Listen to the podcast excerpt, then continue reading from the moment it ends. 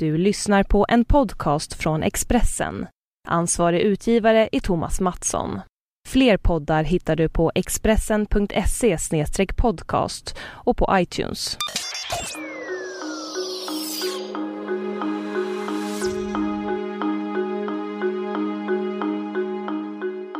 Det här är Expressen Dokument och dagarna som skakade Sverige om tragedin på Tjörnbron av Knut-Göran Kjellberg som jag, Sebastian Parkla, läser upp. Tjörnbron rasade tidigt på morgonen den 18 januari 1980. Det grydde mot fredag. Åtta människor körde över brokanten och föll mot döden. För dem och många andra var olyckan en tragedi. Haverikommissionen fastställde aldrig någon klar orsak till olyckan. Ingen fick skulden, varken brobyggarna eller besättningen, eller lotsen på Star Clipper.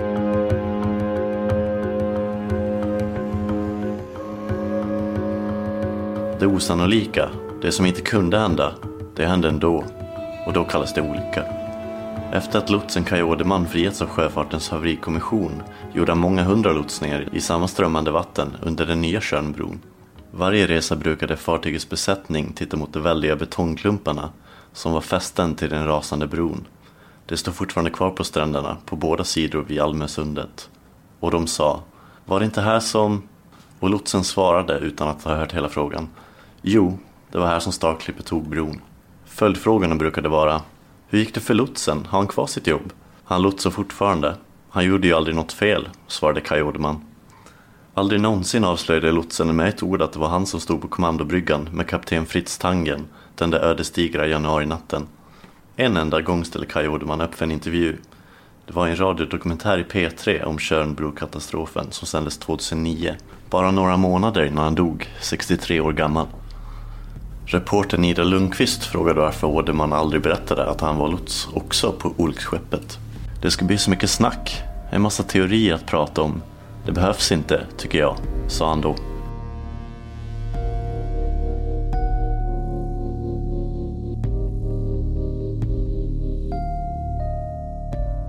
Anita Tungström hade stängt roulettebordet tidigt. Det var vardag, just efter helgerna och folk hade ont om pengar. Hon jobbade på restaurang Gransäter i Trollhättan. Inte många kom för att spela. I vanliga fall brukade jag stanna kvar en stund för att dricka kaffe med min kollega. Men just den här natten hoppade Anita över kaffestunden. Hon bodde i Skärhamn, 58 kilometer bort och längtade hem till familjen. Beslutet, en slump bara, räddade Anitas liv. Klockan var 21 när Anita skrapade rutorna på sin metallicbruna Fiat 127 och körde hemåt. Dimman låg tät. Vägarna var isiga. Efter några mil var hon framme i Stenungsund och broarna som ledde till Tjörn. Sikten var ännu sämre. Hon körde sakta och höll sig nära vägräcket då hon kom upp på Almöbron. Jag åkte alltid den här vägen efter nattjobbet och just den här gången lade jag märke till något konstigt ljus in till bron. Jag hade aldrig sett ljusen tidigare och förstod inte vad det var. Bilradion spelade Everything is alright musikalen Jesus Christ Superstar. Try not to get worried. Try not to turn on problems that upset you. Men det var problem och Anita skulle inte få veta det förrän morgonen efter. Anita kom över bron, stannade vid första rödljuset före vänstersvängen mot Skärhamn och just där mötte hon en bil på väg mot bron. Chauffören hade grönt ljus och bara några minuter kvar i livet. Anita Tungström var den sista som körde över gamla Tjörnbron. Haverikommissionen räknade ut att de klarade livet med 30 sekunders marginal Bron rasade precis när jag hade kört över. Jag märkte ingenting och jag hörde ingenting heller. Jag hade dubbdäck och musiken var på högt. Klockan halv sju väcktes Anita av telefonen. Det var hennes oroliga mamma. Det är klart jag lever, svarade jag. Varför frågar du så? Och då fick jag veta vad som hade hänt. Ljusen som Anita hade sett var topplanternorna på lastfartyget Starclipper, sekunder från katastrofen. Starclipper var Liberia-registrerat, 172 meter långt, 26 meter brett och lastförmågan var 27 450 ton. Ombord fanns 25 sjömän, sex reparatörer och den norske kaptenen Fritz Tangens fru Reidun och tioåriga dottern Tove. De flesta sov i hytterna under däck. Fartyget var på väg från Fredrikstad i Norge till hamnen i Uddevalla. Farleden mot Tjörnbron går genom en 50 meter smal ränna. För att komma rätt måste fartyget göra en S-kurva med dikta girar babord och styrbord nära fyren Brattögrund. Det är en trixig manöver för ett så stort fartyg som Starclipper. Därför hade lotsen Kaj Åderman tagits ombord vid Hatteberget utanför Marstrand. Han var 34 år, mycket erfaren och han hade tagit sin lotsexamen i Marstrand och gjort omkring 400 lotsningar av större och mindre fartyg i det här vattnet. Det Kaj Åderman inte visste, och inte hans chef vid Marstrands lotsplats heller, var hur bräckliga den ståtliga bågbrons fästen var. På kommandobryggan stod Åderman, kaptenen, en styrman, en rogängare och en utkik. Under lotsning är det alltid lotsen som ger order. Styrmannen och lotsen kontrollerar gemensamt att rätt roder och rätt kurs hålls. Starclipper hade 250 meter kvar till bron när allt gick på tok. Kaj Åderman berättade för haverikommissionens utredare. Jag såg fasadbelysningen på bron och hörde styrman eller rorsman ropa att rodret inte tog längre. Lotsen gav order om full fart framåt. 11 knop. Det gjorde jag för att få större kraft i rodret. Men fartyget lydde inte. Vi gick rakt mot södra brospannet. Förmasten tog i bron först. Sen kom kranarna och knäckte stålfästet. Vi förstod att det var en katastrof. I några sekunder var det knäpptyst. Sen kom det stora dånet. Hela vägbanan rasade ner över kommandobryggan. Kaptenen och de andra flydde under däck och var bara sekunder ifrån att krossas. Klockan var 01.29. Jag hittade min bärbara radio och larmade Göteborgs kustradio. Det hade gått några minuter efter påkörningen. Mardrömsnatten hade just börjat. Några minuter senare såg vi den första bilen. Den kom från fastlandssidan och körde rakt i sjön. När kranen slets loss blev det en kortslutning ombord. Alla maskiner stoppade. Elen var utslagen. Fartygsklockan stannade exakt på sekunden då olyckan hände. Kaptenen och lotsen på kommandobryggan var det enda som visste att 40 meter ovanför deras huvuden hade den rasande bron blivit en dödsfälla. Det fanns inga mobiltelefoner på den tiden. Elen var utslagen och det gick inte att ringa från fartyget med radiotelegrafi. Kaj Ådermans VHF-sändare var en trådlös telefon med begränsad räckvidd och avsedd för samtal mellan fartyg på öppet vatten. I kaoset då bron föll tappade han VHFen. Det tog några minuter innan han hittade apparaten i mörkret. Klockan 01.32, tre minuter efter kollisionen, försökte Kaj Åderman anropa lotsutkiken i Marstrand. Signalerna nådde inte fram. Fyra minuter senare, de svaga och knastrande anropen hade uppfattats av Göteborg Radio. Det ringde Marstrandslotsen och för informationen vidare. Lotsen var skakad. Hans röst gick knappt att uppfatta. Han sa Vi har kört på bron. Den har rasat. Ni måste stoppa trafiken. Enligt haverikommissionens rapport insåg varken Marstrandslotsarna eller Göteborgs Radio allvaret. Bron kunde ju inte rasa. De måste ha hört fel. De trodde mig inte. Jag måste upprepa flera gånger att bron var borta. Klockan 01.48 skriker lotsen i VHFen att en bil har kört ner i vattnet. Det har gått 21 minuter. Nu inser alla att det är allvar. Och att det är bråttom. På polisstationen i Kungälv hade Hans Magnfeldt gått på nattvakten klockan 22. Hans uppgift var att svara på inkommande samtal. Natten hade varit lugn och han hade suttit och läst i vaktrummet. Magnfeldt var 23 år, ganska nyexaminerad polis och nattens timmar kan han aldrig glömma. Det var lotsutkiken i Marstrand. Det sa att Stora Tjörnbron var påseglad och att den eventuellt måste stängas av. Samtalet var lugnt.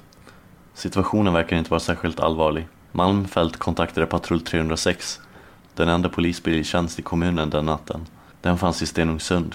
Polismännen Bernd Rasmussen och Sten Lundgren fick order att åka till bron. Klockan 01.50 ringer Marstrandscentralen igen. Då var det panik i rösten på andra sidan. Bilar hade åkt ner i havet. Polisen och Marstrandslotsarna visste inte säkert att bron hade rasat, bara att den var skadad. Det är bara några kilometer med bil från Stenungsund till Tjörnbron.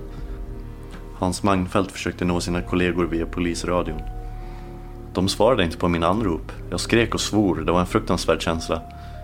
Jag trodde att jag hade skickat Sten och Bernt till döden. Efter några gastkramande minuter fick de ändå kontakt. Patrull 306 hade varit inne i Källesundstunneln och inte kunnat svara. När poliserna kom fram till brofästet var det redan avspärrat. Där stod en lastbil med blinkande ljus. Vi återkommer till det. Vid brofästet på andra sidan fanns ingen avspärrning. Hans Magnfeldt började ringa. Polisman Ivan Rickardsson hade tjänstgjort i Skärhamn och gått av passet klockan 01. Därefter åkte han hem till samhället Bleket på Tjörn och gick till sängs. Hans fru svarade och väckte Rickardsson. Polismannen övervägde hur han snabbast skulle ta sig till brofästet. Vägarna var glashala. Han hade sommardäck på sin privata Amazon och hemma hade han varken polisuniform eller utrustning för att spärra av bron. Han åkte förbi Skärhamn där polisbilen var parkerad och bytte till polisuniform. Från Bleket till Skärhamn är det 3 kilometer, sen ytterligare 7 kilometer till brofästet. Klockan 02.30 var Rickardsson framme. Vid brofästet möttes han av kusttullmästare Ingmar Krantz som kom dit strax före. Det hade gått 61 minuter sedan bron rasade. Då hade fyra bilar körts mot döden från Tjörnsidan. Från Stenungsundshållet hade tre fordon körts ner i avgrunden. Klockan 02.19 försökte polisen i Kungälv att få kontakt med lokalradion i Göteborg för att på P3-nätet få ut en varning till trafikanter. En telefonsvarare hänvisade till Sveriges Radio i Stockholm. Det tog en evighet innan vi fick tag på en ansvarig på radion, berättar Hans Mangfeldt. Det dröjer till klockan 02.46 innan radion avbryter nattmusiken med det första meddelandet. Almöbron på länsväg 160 är påseglad och avbruten. Den har stängts för trafik. Då hade det gått en timme och sju minuter. Kunde polisen ha agerat annorlunda? Kunde människoliv ha räddats genom att trafiken stoppats tidigare? Ingen Johansson, som då var 28 år, bodde i Myggenäs, bara några hundra meter från Almöbrons fäste på Tjörnsidan. Jag skulle ha kunnat fixa en avspärrning på bara tre minuter och då skulle olyckan ha begränsats, sa hon till Expressen. När Inge Johansson vaknade på fredagsmorgonen hörde hon om katastrofen i radionyheterna. Jag eller någon annan som bor nära bron borde ha blivit uppringd. Det hade bara varit för polisen att slå på Tjörnsidorna i telefonkatalogen. Brandkåren larmades inte heller. Närmaste station fanns i Kolleskär, nio kilometer ifrån bron. Det var en så kallad borgarbrandkår och det skulle ha tagit en stund att väcka upp folk och rycka ut. Kungälvspolisen fick stöd i sina åtgärder i haverikommissionens rapport. Att sända ut privatpersoner för att hindra trafiken kunde ha blivit farligt och osäkert. Om att brandkåren inte larmades skrev haveriutredarna när komplikationerna kring olyckan är kartlagda kan det inte uteslutas att en utryckning av Kollerskärs brandkår kunnat sluta i en tragedi. Att bron rasat var ofattbart och brandmännen kunde ha rasat ner eftersom sikten i dimman bara var några meter med strålkastarljus. Utredningen visade att polisen inte kunde klandras. Istället fick Hans Magnfeldt och hans kollegor beröm. Idag är Hans Magnfeldt 58 år. Han jobbar kvar i polishuset i Kungälv, nu som kriminalinspektör. Att prata om olycksnatten väcker fortfarande starka känslor. Den natten har präglat mitt liv. Jag hade en otäck känsla av att inte räcka till. Jag förstod situationen och jag skulle vilja göra mer. Men i efterhand har jag känt att jag gjorde allt jag kunde. Klockan tio på förmiddagen efter den svåra natten hade Hans Magnfeldt skrivit sin nattrapport och gick hem för att sova. Jag kröp ihop i fosterställning och grät hejdlöst. Och jag ringde till mamma i Småland. Det kändes nödvändigt. För debriefing och samtalsterapi, det fanns inte på den tiden. Han fortsätter. Schönbrokatastrofen gjorde mig ödmjukare inför livet. Det var så mycket tragedi på några få timmar. Jag hade gärna levt lite längre innan jag blev så grymt påmind om hur bräckligt livet är. Jan Rosenberg var på väg från fiskhamnen i Göteborg till fiskberedningsfabriken i Mollösund. Han körde lastbil med släp och hade 20 ton sill i lasten. Rosenberg jobbade ofta nattskift och kunde vägen utan till. Han visste att bron över till Tjörn var smal, med bara en körbana i vardera riktning och att det var svårt att möta andra lastbilar. Jan Rosenberg skulle bli nattens hjälte. Tack vare hans uppmärksamhet kunde trafiken från Stenungsundshållet stoppas och människoliv räddas. I den lilla backen upp till bron körde han sakta, nära staketet. För Expressens söndags Katrin Kratz berättade han långt senare. Jag hade nästan ingen fart. Snöglopp fastnade på räcket och reflekterades i ljuset från bilens strålkastare. Plötsligt såg jag inte räcket längre. Jag tyckte det var konstigt så jag stannade bilen. Dimman var tät. Rosenberg klev ur lastbilshytten, greppade räcket och trevade sig långsamt fram. Räcket fanns inte längre. Han såg inget av vägen. I snömodden på vägbanan fanns bara hjulspår som slutade i ingenting. Rosenberg hade stannat lastbilen bara tio meter ifrån döden. Han kopplade på blinkers och ställde sig bakom släpvagnen. Från andra sidan såg han billjus närma. Han blinkade med helljuset för att varna, men dimman var för tät. Ljuset försvann neråt och en bil störtade ner i avgrunden. Klockan har blivit 01.50.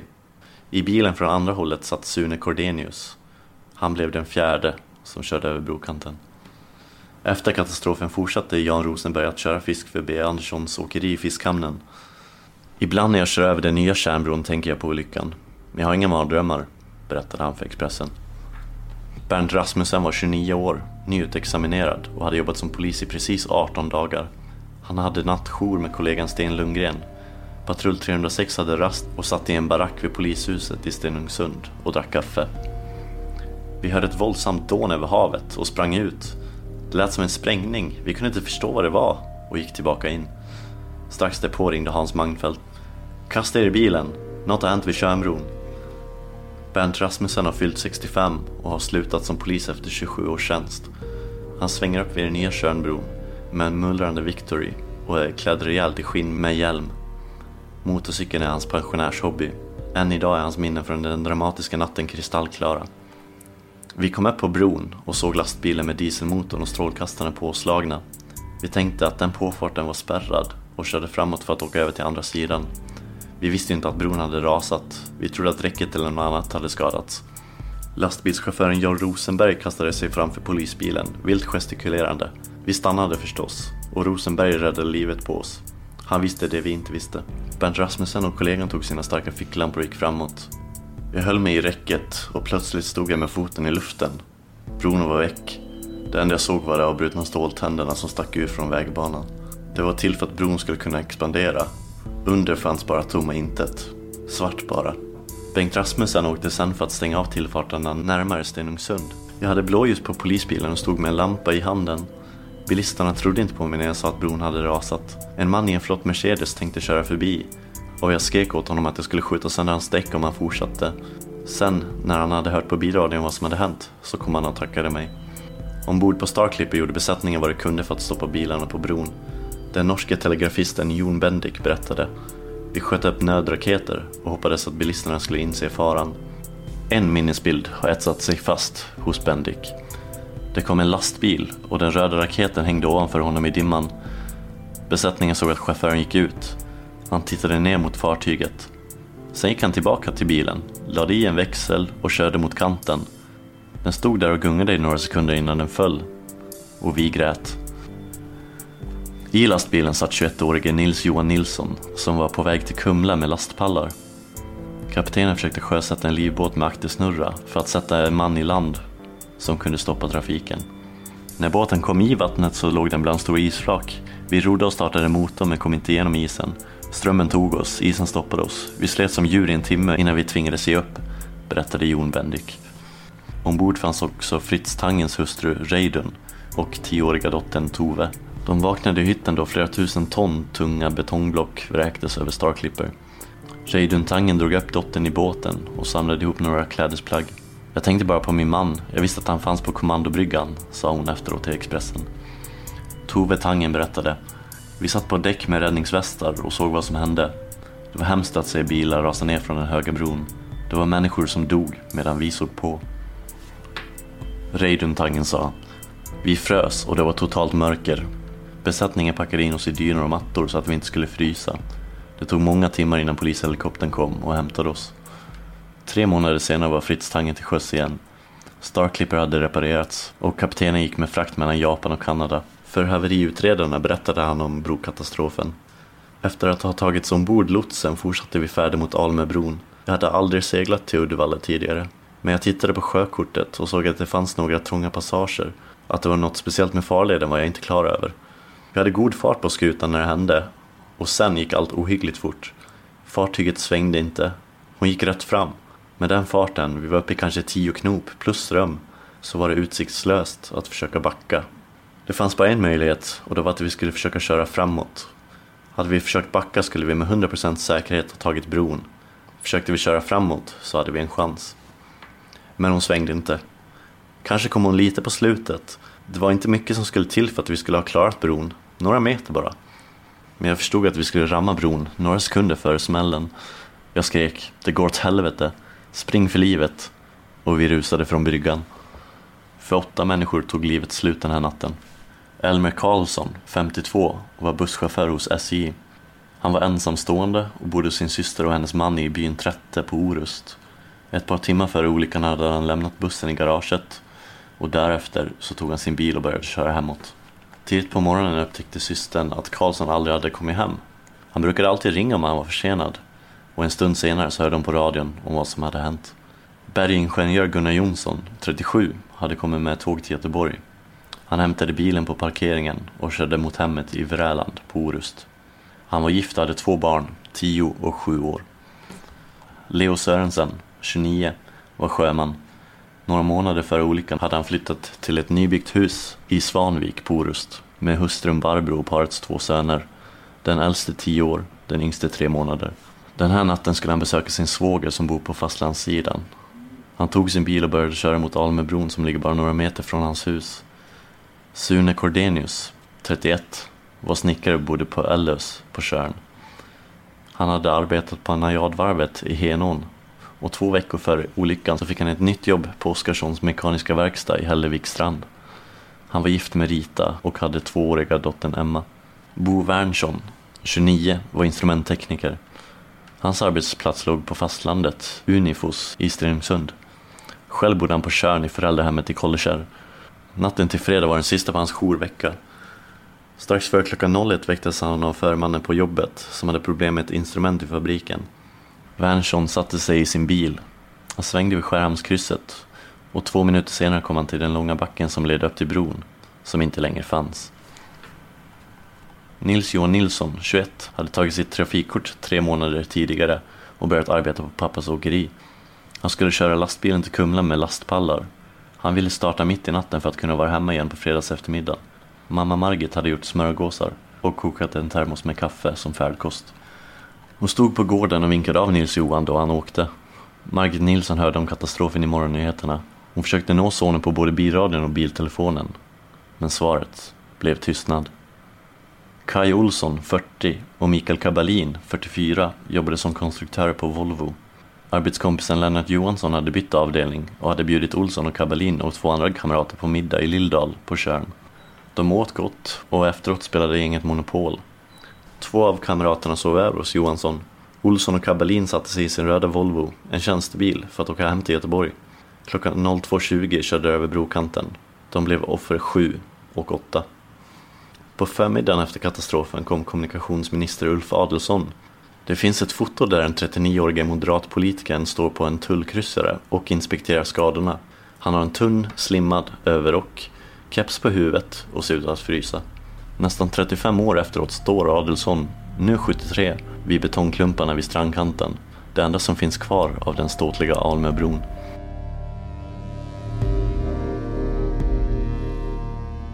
Jag minns att jag tänkte på hur ofattbart tragisk olyckan var. Jag funderade på om de som körde av bron hann tänka något sekunden innan de föll mot döden. Adelsson var i Köpenhamn på jobbresa då olyckan hände. Hans statssekreterare väckte honom. Kommunikationsministern tog sig först till Göteborg och därefter med helikopter till olycksplatsen. Mitt i tragedin försökte jag se det praktiska. Måndagen efter helgen måste 3000 bofasta öbor på Tjörn och Orust in till fastlandet. Allt sånt måste ordnas snabbt. Och en ny bro måste byggas. Jag såg till att förslagen som Vägverket hade blev behandlade på regeringssammanträden så fort det kommit in. Vi ruckade på reglerna och tillät att den nya bron fick en högre seglingshöjd eftersom Sjöfartsverket krävde det.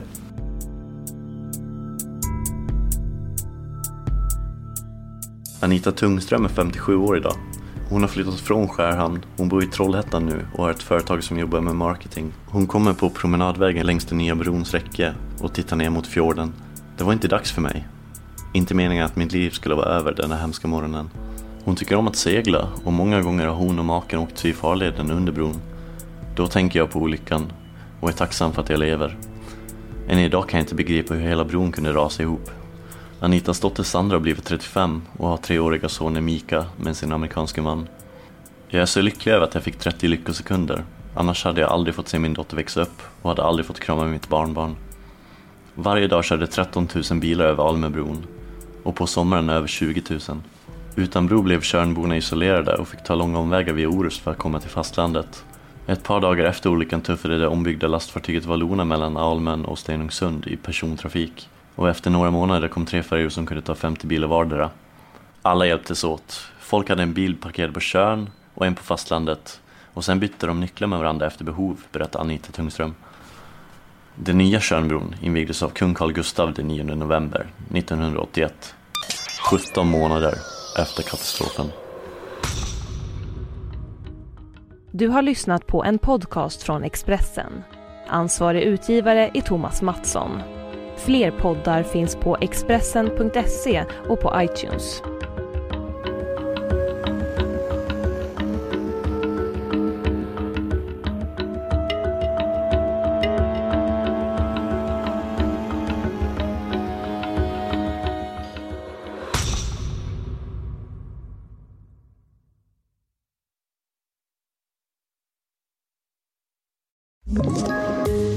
Ett poddtips från Podplay. I fallen jag aldrig glömmer djupdyker Hasse Aro i arbetet bakom några av Sveriges mest uppseendeväckande brottsutredningar. Går vi in med hemlig telefonavlyssning och, och då upplever vi att vi får en total förändring av hans beteende. Vad är det som händer nu? Vem är det som läcker? Och så säger han att jag är kriminell, jag har varit kriminell i hela mitt liv men att mörda ett barn, där går min gräns. Nya säsongen av Fallen jag aldrig glömmer på Podplay.